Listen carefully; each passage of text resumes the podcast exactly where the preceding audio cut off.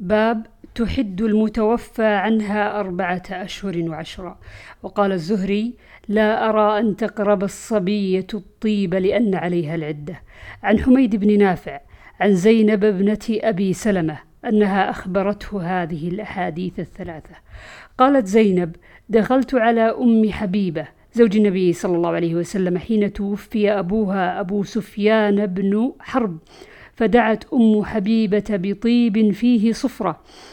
خلوق خلوق أو غيره فدهنت منه جارية ثم مست بعارضيها. ثم قالت والله ما لي بالطيب من حاجة غير أني سمعت رسول الله صلى الله عليه وسلم يقول لا يحل لامرأة تؤمن بالله واليوم الآخر أن تحد على ميت فوق ثلاث ليال إلا زوج أربعة أشهر وعشرة.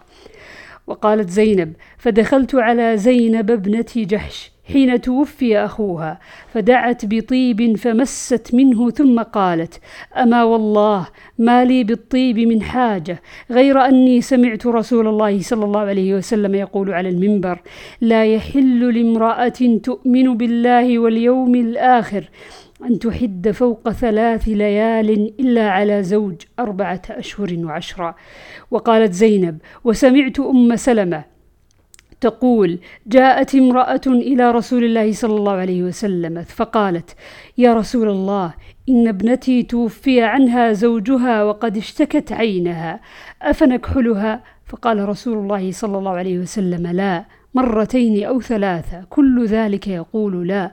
ثم قال رسول الله صلى الله عليه وسلم إنما هي أربعة أربعة أشهر وعشرا وقد كانت إحداكن في الجاهلية ترمي بالبعرة على رأس الحول.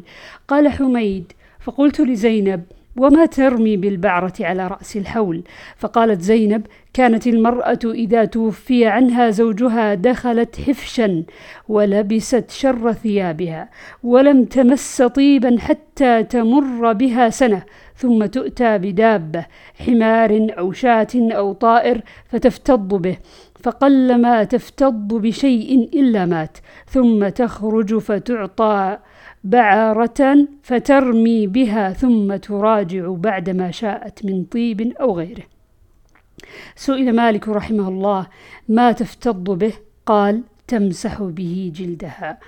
باب الكحل للحادة عن زينب ابنة أم سلمة عن أمها أن امرأة توفي زوجها فخشوا على عينيها فأتوا على رسول الله صلى الله عليه وسلم فاستأذنوه في الكحل فقال لا تكتحل قد كانت إحداكن تمكث في شر أحلاسها أو شر بيتها فإذا كان حول فمر كلب رمت ببعرة فلا تمضي أربعة أشهر فلا حتى تمضي أربعة أشهر وعشر وسمعت زينب ابنة أم سلمة تحدث عن أم حبيبة أن النبي صلى الله عليه وسلم قال: لا يحل لامرأة مسلمة تؤمن بالله واليوم الآخر أن تحد فوق ثلاثة أيام إلا على زوجها أربعة أشهر وعشرة.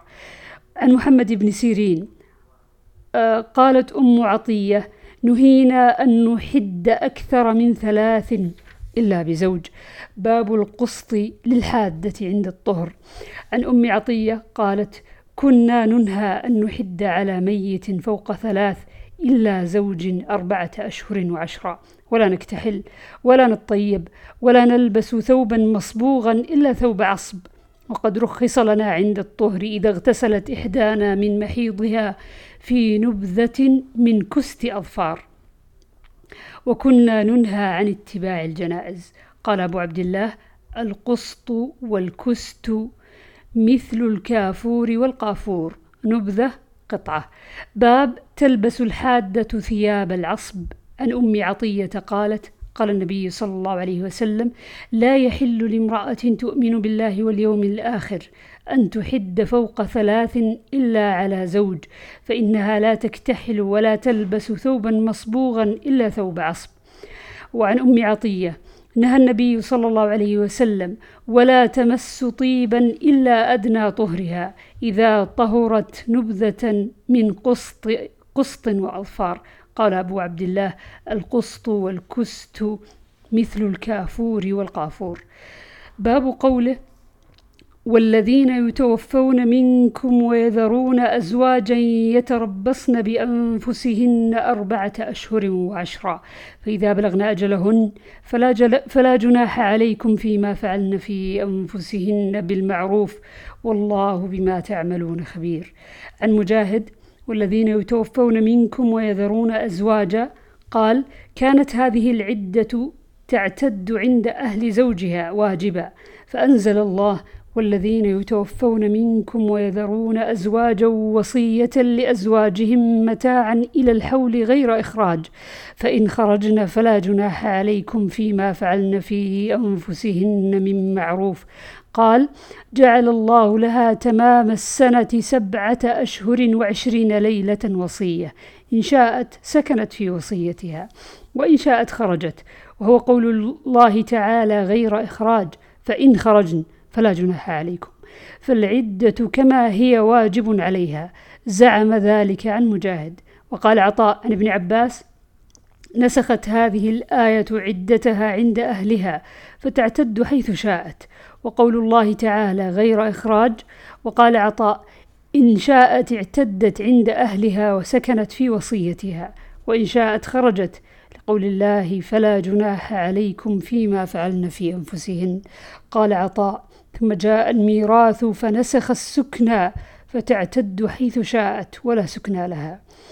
عن زينب ابنة أم سلمة عن أم حبيبة ابنة أبي سفيان لما جاءها نعي أبيها دعت بطيب فمسحت ذراعيها وقالت ما لي بالطيب من حاجة لولا أني سمعت النبي صلى الله عليه وسلم يقول لا يحل لامرأة تؤمن بالله واليوم الآخر تحد على ميت فوق ثلاث إلا على زوج أربعة أشهر وعشرا باب مهر البغي والنكاح الفاسد.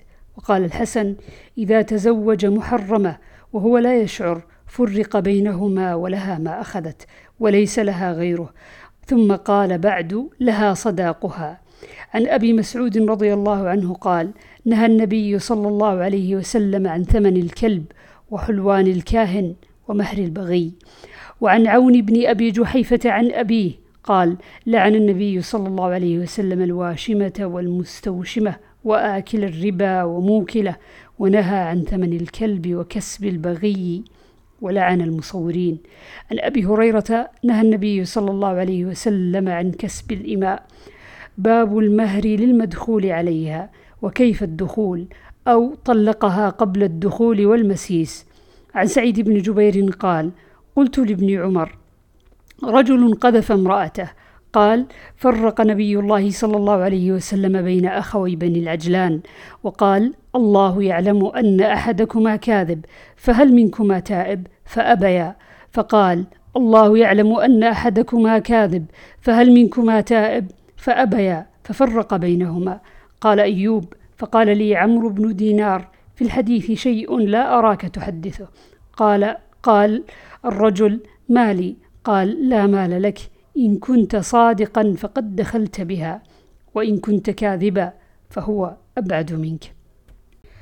باب المتعة للتي لم يفرض لها لقوله تعالى: لا جناح عليكم إن طلقتم النساء ما لم تمسوهن أو تفرضوا لهن فريضة ومتعوهن على الموسع قدره وعلى المقتر قدره متاعا بالمعروف حقا على المحسنين. وإن طلقتموهن من قبل أن تمسوهن وقد فرضتم لهن فريضة فنصف ما فرضتم إلا أن يعفون أو يعفو الذي بيده عقدة النكاح وأن تعفوا أقرب للتقوى. ولا تنسوا الفضل بينكم إن الله بما تعملون بصير. وقوله وللمطلقات متاع بالمعروف حقا على المتقين كذلك يبين الله لكم آياته لعلكم تعقلون. ولم يذكر النبي صلى الله عليه وسلم في الملاعنة متعة حين طل في الملاعنة متعة حين طلقها زوجها. عن ابن عمر أن النبي صلى الله عليه وسلم قال للمتلاعنين حسابكما على الله أحدكما كاذب لا سبيل لك عليها. قال يا رسول الله مالي قال لا مال لك. إن كنت صدقت عليها فهو بما استحللت من فرجها وإن كنت كاذبا فذاك أبعد وأبعد لك منها.